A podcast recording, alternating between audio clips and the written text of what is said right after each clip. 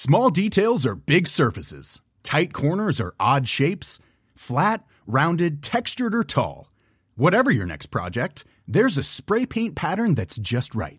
Because Rust new Custom Spray 5 in 1 gives you control with five different spray patterns. So you can tackle nooks, crannies, edges, and curves without worrying about drips, runs, uneven coverage, or anything else. Custom Spray 5 in 1. Only from Rust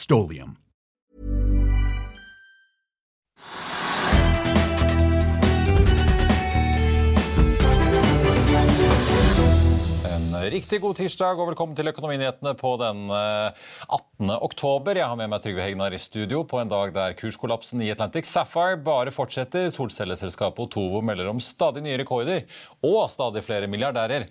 Enten direkte eller indirekte takker for seg og flytter ut av landet. Vi begynner sendingen med å se litt på markedet akkurat nå. Hovedindeksen på Oslo Børs opp en prosent omtrent i dag til 1137 poeng. Og Dermed ser det ut til at vi her hjemme har kastet oss på bølgen av god stemning som preget Wall Street i går. Det er aksjer som Nordic Semiconductor, Creon, Nell og Frontline som er blant de største bidragsyterne til oppgangen.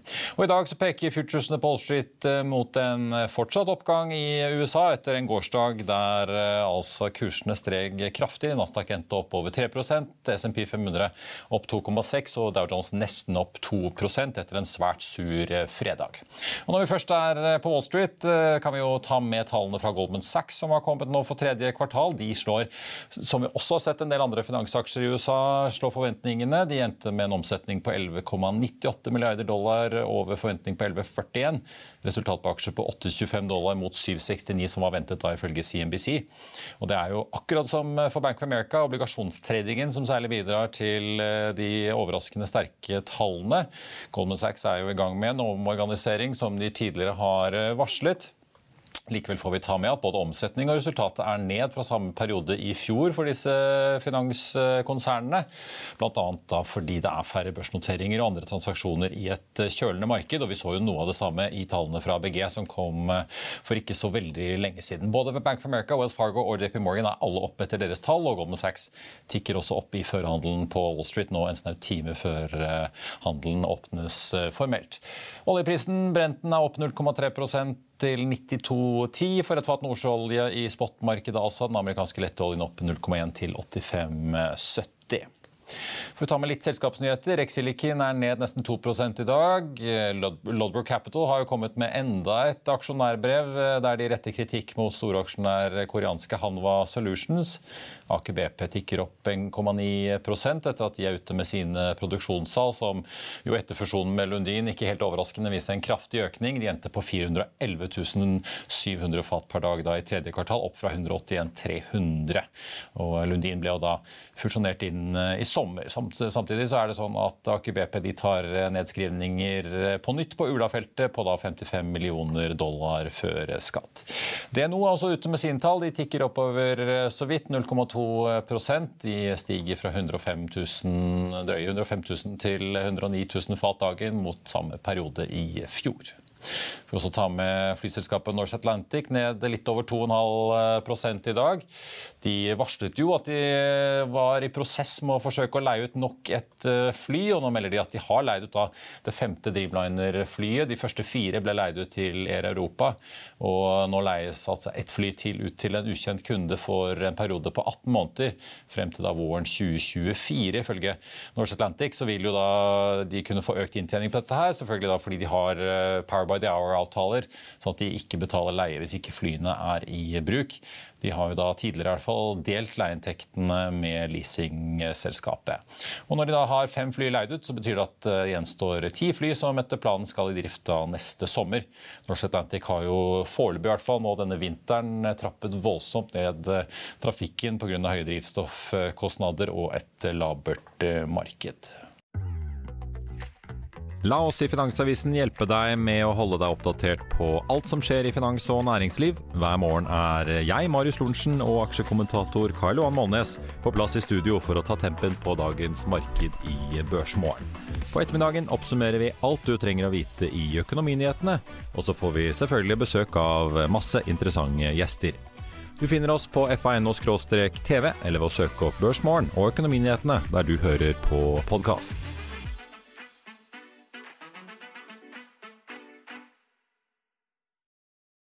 Da har jeg fått med meg Trygve Hegnar i eh, studio. Trygve, nå er det bare et par dager igjen til eh, investordagen. men uh, Nå er det jo utsolgt, men det er sånn jeg håper å si, vi får håpe folk kommer, at ikke alle har flyttet utenlands. For nå har vi fått nok, nok, en kjent investor og får vi si milliardær og gjenganger på Kapital 400-listen som via sine barn melder flytting ut av landet. Ja, altså Reitan-familien de har en formue på rundt 64 eh, milliarder kroner, ifølge da 400 til kapital. Eh, og Det er da far Odd, og så er det Ole Robert og Magnus. Og Magnus han har sagt at han skal flytte, flytte ut, ta, ta, pengene ut. Han har gjort det på den mest effektive måten, som da Stein Erik Hagen har gjort før. Han lar barna flytte til Sveits. Ja, si, han tar en, tar en rim i hagen? Ja. ja, han tar en rim i hagen, fordi at han lar barna flytte, så blir han i Norge. Nyter alle fordelene vi har her. Gleden av naturen og bading og vasking av sjøer og hva det måtte være. Og så har barna da øh, De har da fått ny adresse og nytt bosted i Sveits. Og så flytter hele formuen dit. Så har han fordelen i Norge, og så må barna da, da slipper de når de da bor i Sveits, så slipper de mesteparten av den formuesskatten de ville måtte betalt i Norge. Det finnes få, noen få kantoner som har bitte litt av formuesskatt. Det er så knapt synlig. slik at i hovedsak slipper han da all formuesskatt ved å flytte pengene sammen med barna. Og det aller viktigste, som da tror de, de fleste etter hvert merker seg, når han gjør det på denne måten, her, så har han gitt da sin verdi, sin formue, har gitt til barna. Uten da arveavgift. Og det har jo da senest i dag vært frem, eh, satt frem eh, ønske fra visse politikere om at man må innføre arveavgiften i Norge igjen. Han har gjort da sitt trekk før det eventuelt skulle komme. Jeg tror det tar tid før det kommer. Men han har altså gjort det trekk at han gir pengene til barna uten arveavgift, uten dødsskatt eller hva man måtte kalle det. De har fått pengene helt rene uten noen skatter. Og da, de forvaltes da av han i Norge, mens pengene sitter på en eller annen sekk nede i Sveits. Ja, for det er, for det er vel bygget opp uh, gjennom fritaksmodellen. og Når du får opp alle utbyttene opp i oljeselskap, så er det mye latent uh, gevinstskatt som også har bygget seg opp uh, der som disse barna tar med seg ut? Ja, det, er, det, det, det kan jeg ikke noe om. Altså, det vi har gjort, da, det er, altså, Vi sier at formuen til Reitan-familien er 64 milliarder. Det er sånn vi har regnet på det. De ligningsmessige verdiene er klart lavere. Så hva da som er gevinst, det tør jeg ikke si noe om. Og så har vi da sagt at de 64 milliardene er deles på tre. Uh, og, det spennende akkurat der er jo det, Hvorfor flytter ikke Ole Robert samtidig? Han har også barn. De kunne også bosette seg i Sveits eller i et annet land som ikke har skatt. Kunne man tenke seg da Cayman Island eller hva, hva det måtte være. Men han har ikke gjort det. Så de liksom lar Magnus ta liksom litt av brodden av kritikken. Og liksom, ja. liksom, han får juling nå for at han da flytter ut. Men Ole Robert er i akkurat samme situasjon. Han er akkurat like mye som broren Magnus. Og faren er akkurat like mye som sine sønner. De er 33,33 hver. Så man kan jo lure på liksom, nest... Magnus styrer jo på en måte kapitalarmen av Reitan, og Robert styrer butikkene. Ja, ja. Magnus er finansdirektøren, og de, de eier akkurat det samme. og man kunne tenke seg at Hvorfor gidder Ole Robert betale flere hundre millioner i formuesskatt i året når Magnus ikke betaler det? Det vil iallfall da medføre ganske sånne skjeve smil innen familien, vil jeg tippe. Og man kan også spørre hvorfor Odd Reitan, som da på en måte er han som har bygget opp hele selskapet fra grunnen da, hvorfor han ikke gjør det samme trekket. Men han gjør det altså ennå ikke. Og han har ikke noen barn å gi pengene til. Han kan gi til barnebarna, selvfølgelig arve, arve, uten arve. Man gjør som Røkke og flytte, til, eh, flytte utenlands ja, selv. Ja. ja. Så, men, men det, det, interessante er at vi har ventet at det skulle komme stadig flere. Og hvis du ser på 400-listen til kapital, så er det da 440 av 400 som allerede har flyttet ut. Og i de siste to-tre månedene så har jeg fanget opp syv til. Martin Andresen har flyttet, Røkke har flyttet. Ja, og Halvorsen og ja. ja det, er, det er mange, Ås også. Det, men la oss si at det er syv-åtte til som har flyttet de siste månedene. Mange flytter nå fordi at de mener at formuesskatten blir helt altså Man tåler blir for mye, orker ikke. Og så har man da denne, denne monsterskatten som da på en måte regjeringen la frem som sånn testopplegg, da, som, som, de har trukket tilbake, som ikke skal komme før 1.1.24. Uh, og det blir for mye. slik at, uh, og Man ser hva som skjer med oppdrettsnæringen, hvor da plutselig man får en økning i skatten på 40% altså Skatten går fra 22 til 62 Det syns man er for mye, selv om det kan være gode grunnlag økonomisk for det. og liksom kunne tenke seg en grunnretteskatt i Norge. Men mange tenker nok nå at dette blir for mye på en gang. Alt kan skje. Og jeg orker ikke sånn som Røkke tenkte jeg orker ikke betale 300-400 millioner kroner i, i, i, i formuesskatt i året. Det er bedre å bosette meg i et land hvor jeg har null skatt. Ja. Mange, og mange vil følge opp. slik Hvis det er 7-8 per i dag, som er talt opp, pluss de 44 på eh, milliardærlisten, så vil jeg tippe at du får se en 5-6-7 opp mot 10 stykker i løpet av et halvt år fremover. Som flytter det er jo mange som lever litt mer anonymt enn eh, de aller mest kjente på 400-listen. Så det er vel en del som flytter i det stille? Ja da, og det har det vært også. Det er et godt poeng. Det er jo mange som da ikke lager noe fest ut av det. Og, da, og noen, noen, gjør da det de flytter selv. Da må de liksom ha visse regler for hvor mange år de kan da de må liksom, For å slippe skatten så må de være så og så mange år ute. Fem år, da, fem år foreløpig, men det er også andre regler. Og det er også litt avhengig av om man har skatteavtale med andre land. Så det er litt forskjellig, men det er mange som da de har, valget mellom å flytte selv, ta med alle pengene og liksom få, ta en skatt ved da utreise fra Norge, eller gjøre den smarte Hagen-metoden, som var mye smartere, hvor hans to barn, eh, ja, ja, Karl Erik og ja, Karoline. Hvor de to da ble plassert i Zürich med alle pengene. Og så sitter Stein Erik og gjør hva han vil i Norge med pengene. Og får sikkert det han trenger til lommepenger. Nå er det vel mange som lurer på, nå er jo høringen i gang i Stortinget om statsbudsjettet og alle forslagene til skatteendringer. Og så skal jo dette forhandles om etter hvert. Jeg har sett i hvert fall Finans Norge og bilbransjen og alle har vært innom og klagd sin eh, nød. Men sånn som, eh, nå har jo liksom det verste støvet lagt seg etter budsjettfremleggelsen. Hva tolker du er de endringene som eventuelt kan komme når SV skal forhandle og hjelpe regjeringen med å få dette gjennom i Stortinget? da? Ja, altså De har ikke kommet med konkrete forslag ennå. De har bare sagt at det er altfor lite i den skatten da regjeringen nå vil kreve inn. De krever mer. Vi må ha mye mer, sier de i dag. Audun Solbakken sa det senest i dag. Eh, så jeg vil tippe at eh, formuesskatten, som er 1,1% for formue over 20 millioner, den tipper jeg de jekker opp til 1,2 eller 1,3. Det er en kraftig økning. Ja, Da må jeg faktisk korrigere meg selv, for Da vi satt og diskuterte budsjettet, så sa jeg 1,3, men det er selvfølgelig 1,1 over 20 i dag. Ja, ja så kan, man, kan, man, kan, man, kan, tenke seg at de legger på en bitte, bitte lite grann. Vil jeg tro. Og så kan det også tenkes at uh, SV tvinger igjennom at selskapsskatten skal økes fra 22 til 23 eller noe sånt. Bare for å markere at de, liksom, det er de som kontrollerer regjeringen. Regjeringen får ikke noe igjennom i Stortinget uten SV eller Rødt. Og regjeringen går ikke til Rødt, så den går til SV, og da må de ha forhandlinger ganske snart. Og da vil jeg tippe at SV må, må, få noe, for da har han gått ut med så store ord i Lysbakken. Krevd såpass mye at eh, noe må han få. Så, så det blir mer formuesskatt, tipper jeg. Det kanskje, kanskje mer selskapsskatt. Men det blir ingen monsterskatt. Men den kommer kanskje om et år. og Derfor tilpasser man seg allerede nå. Ja, på hytter. og Det er ikke så mange som har fly, privatfly her i landet, men hytter er det jo mange store, flotte eiendommer som sikkert står på bedrifter og sånn. Ja, det er skrevet nå om at det er mange som må drive og omregistrere og gjøre masse for å komme unna dette her. Ja, altså det, ja for at monsterskatten var helt håpløs fordi at man skulle forhindre at man hadde såkalt privat konsum gjennom aksjeselskaper. Men det er mange som har aksjeselskaper for å minimere risikoen, altså eie ting med andre. Uh, liksom man vet hva man har i et selskap. Ikke, da, hele personøkonomien, ja, men ikke hele personøkonomien i, i, liksom, i, den personlige økonomien. Da. Så at man liksom har på en måte en, en, sikring mot at det går galt, helt, helt galt hvis det går galt. Og derfor har man det isolert i et aksjeselskap, hvor da liksom rettigheter og plikter er i henhold til aksjeselskapets økonomi. Ikke, hans, ikke de enkeltpersoners personlige økonomi. da. Ja. Skatteadvokatene får mye å gjøre. i hvert fall. De får masse å gjøre, og de får ikke noe mindre hvis SV blander, blander seg opp i det, dette her. Men det er trist. Jeg har sett i dag at Handel og Kontor og, og andre har uttalt at det er så fælt det Reitan gjør, at Magnus Reitan liksom sender barna sine ut av landet, og at de da sitter på pengene. Fordi de har liksom opparbeidet disse formuene og inntektene i Norge. Ja, det har man gjort, men også poenget er jo Man sender jo da ut penger ved at folk flytter ut. Og så tar disse masse menneskene har masse initiativ, de er gode gründere, de er flinke, de finner på ting, de er lure, de er, de er smarte. De forsvinner også sannsynligvis for en stor del av Norge etter hvert. fordi liksom, Hvis familien etablerer seg i Sveits eller andre land, så blir de mer og mer ute. Sannsynligvis, men det er ikke noe sikkert, jeg har ikke noe forskning på det, så vil de etter hvert investere mindre i Norge. Og det er veldig dumt.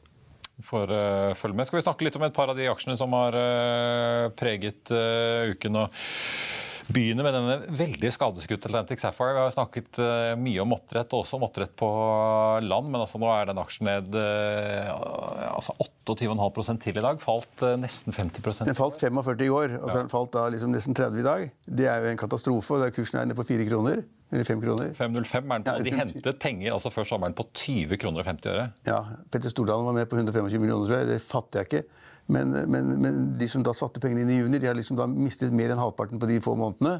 Og det er jo helt vilt. Og man, så kan man si liksom, da burde man være det i oppdrettsbransjen på land. Jeg mener at det er kjemperisk. Altså, det er jo flere jeg, som prøver seg både i Japan og USA. Ja, men, ja, men i, i, utgangspunktet er det, er det, veldig fornuftig. Du har en tank. ikke sant? Du kan styre vannet, du kan styre temperaturen, du kan styre settefisken. Du kan styre veldig mye i et landanlegg som du ikke kan i sjøen.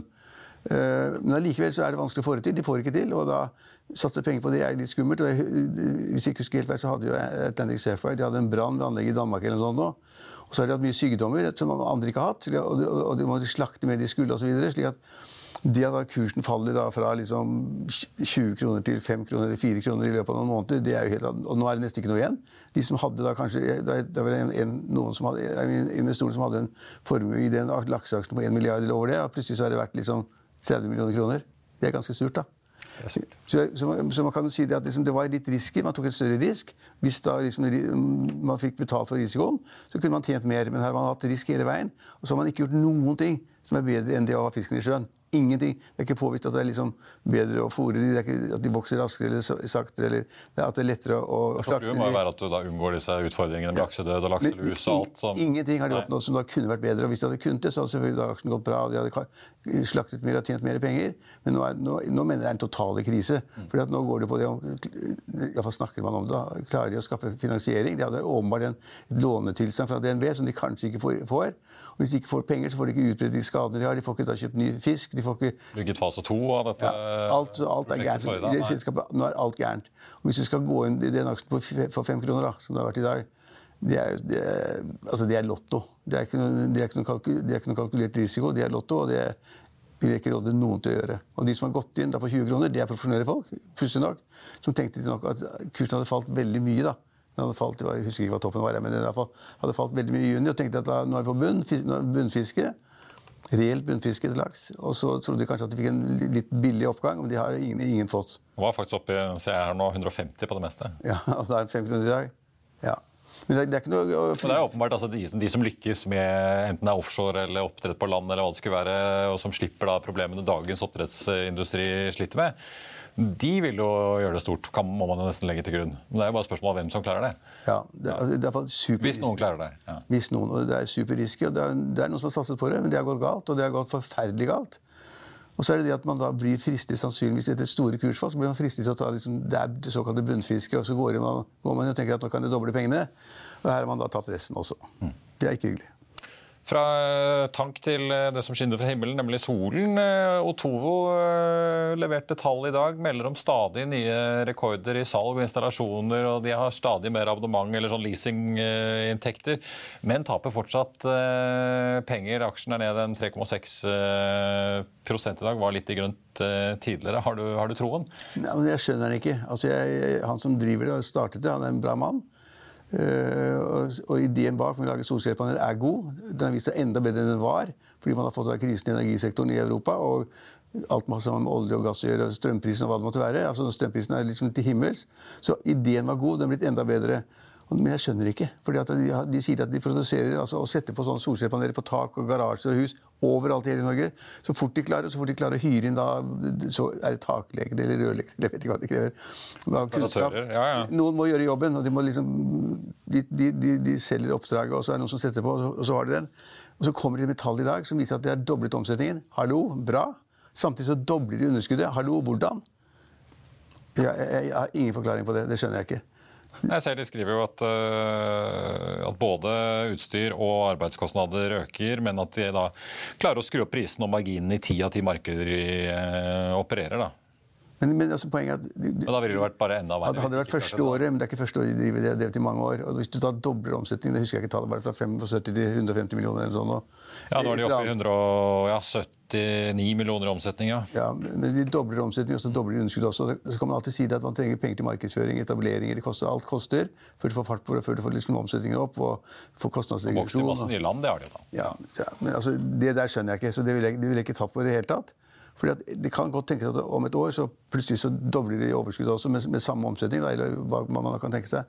Men akkurat nå så er det altfor dårlige tall. Altså Det er liksom noe som ikke stemmer, og det må man se, se nærmere på. Ja, Litt uh, risky. Men du skal, Husker du at vi hadde et, et, et lyspunkt?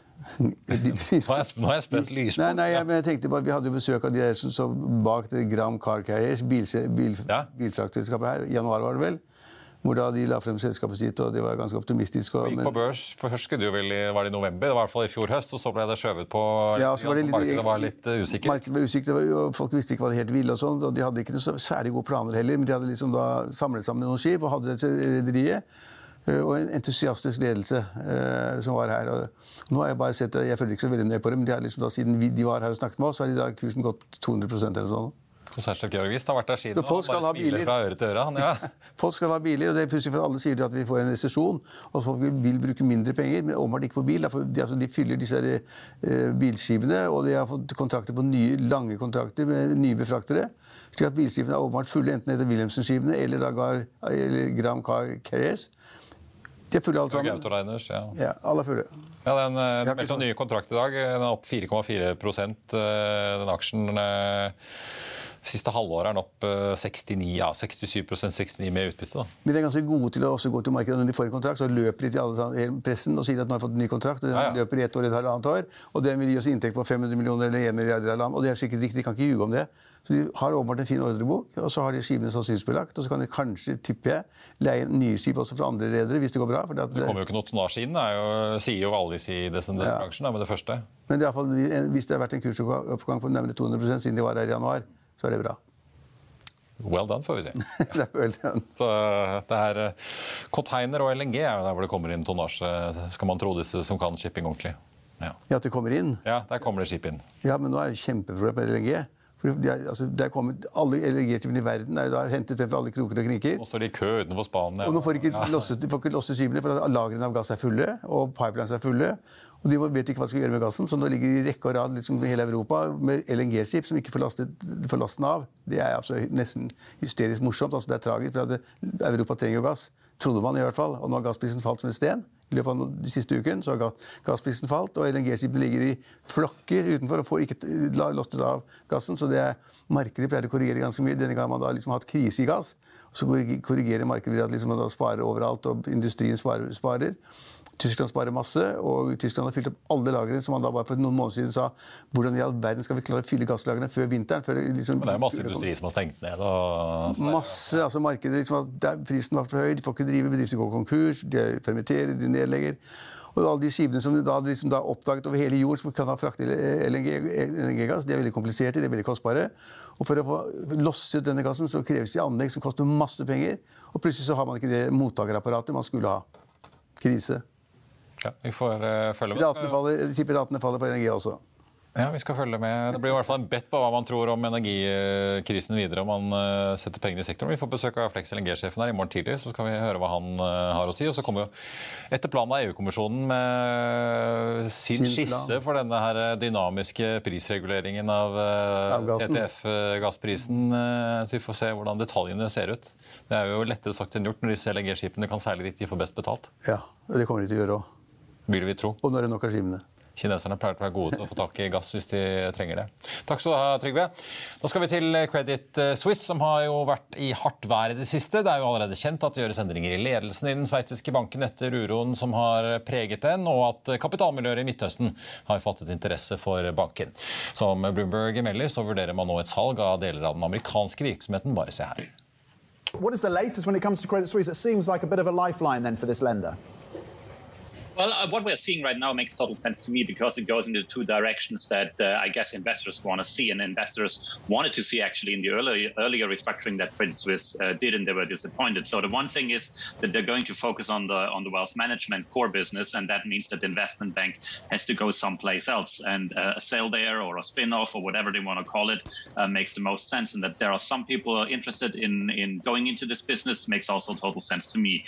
The other one, and this is kind of a, a European theme. Would say is that the, the US business, European banks are struggling to uh, get a, a, big footprint there and, and, and, go to scale. And we have seen that with Deutsche Bank a couple of years ago, uh, retreating from that market. We have seen it with uh, BNP selling the Bank of the West. And now it's Credit Suisse thinking about selling the US asset management. So again, that makes sense here um, to sell a non-core business where they probably struggle to, to make a big buck here.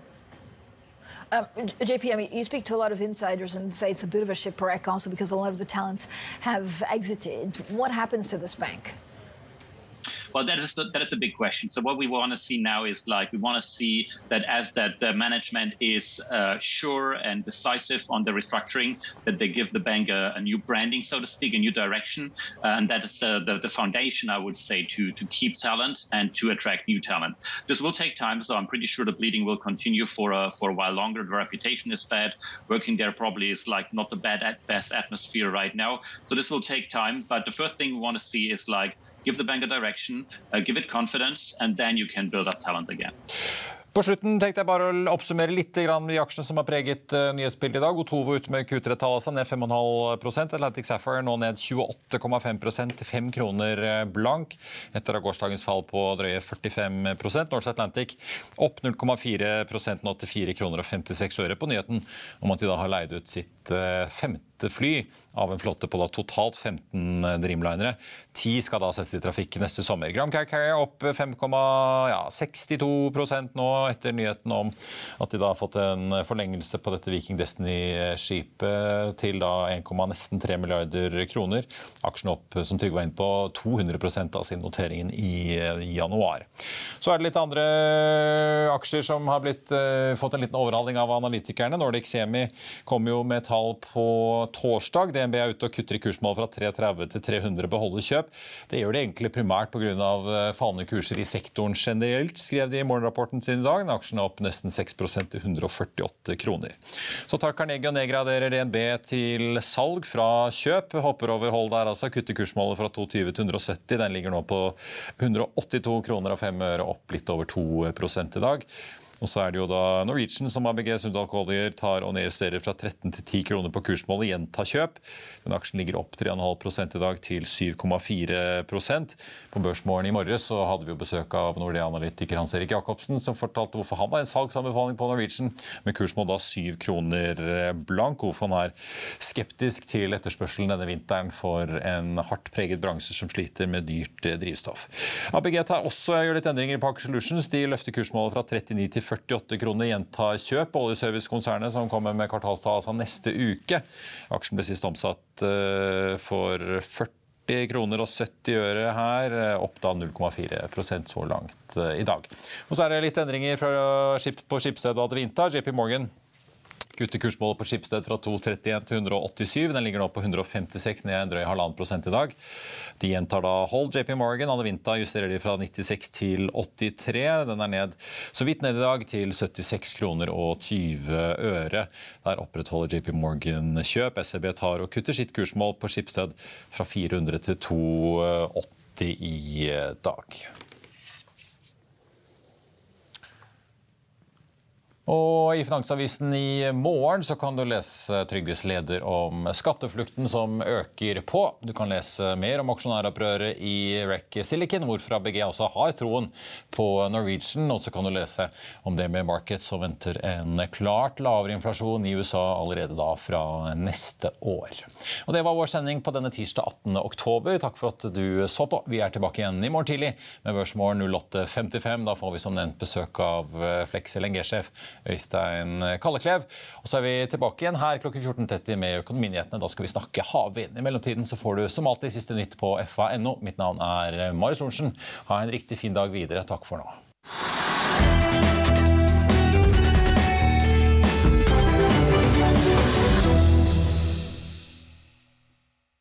Økonominyhetene er en podkast fra Finansavisen. Programledere er Marius Lorentzen, Stein Ove Haugen og Benedikte Storm Bamvik. Produsenter er Lars Brenden Skram og Bashar Johar. Og ansvarlig redaktør er Trygve Hegnar.